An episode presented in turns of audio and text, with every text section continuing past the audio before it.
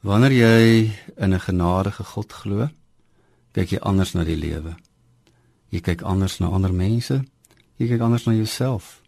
Jy leef met respek en ligtheid teenoor ander mense. Ons het die week keer op keer gesien dat genade 'n mens se lewe verander. Dat dit praktiese implikasies het. Dit is dus gewoon nie waar dat die klem op genade 'n mens onverskillig sal maak nie. Dat dit 'n mens agteroor sal laat sit en sê, "Wel, God is nou maar genadig, so laat ek nou maar doen wat ek wil nie." Dit is juis op grond van die genade van God wat Paulus op die gelowiges 'n beroep doen om anders en nuut te lewe. Luister hoe verweefd is genade en nuwe lewe in Efesiërs. Nee, God het ons gemaak wat ons nou is.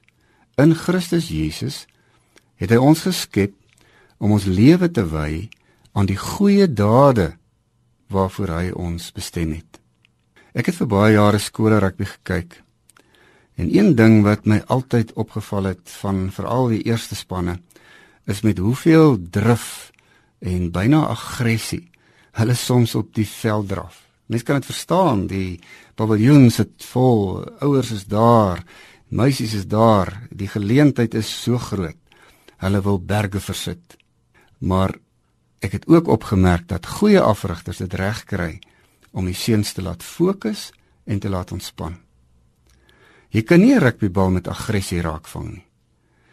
Ek dink dit is wat die Efesiërsbrief ook wou sê. Ontspan dit is alles genade alleen. Dit hang nie van jou af nie. Verloor jou onrustigheid, ontspan en gaan rus in God se genade. Maar dan die punt van Efesiërs.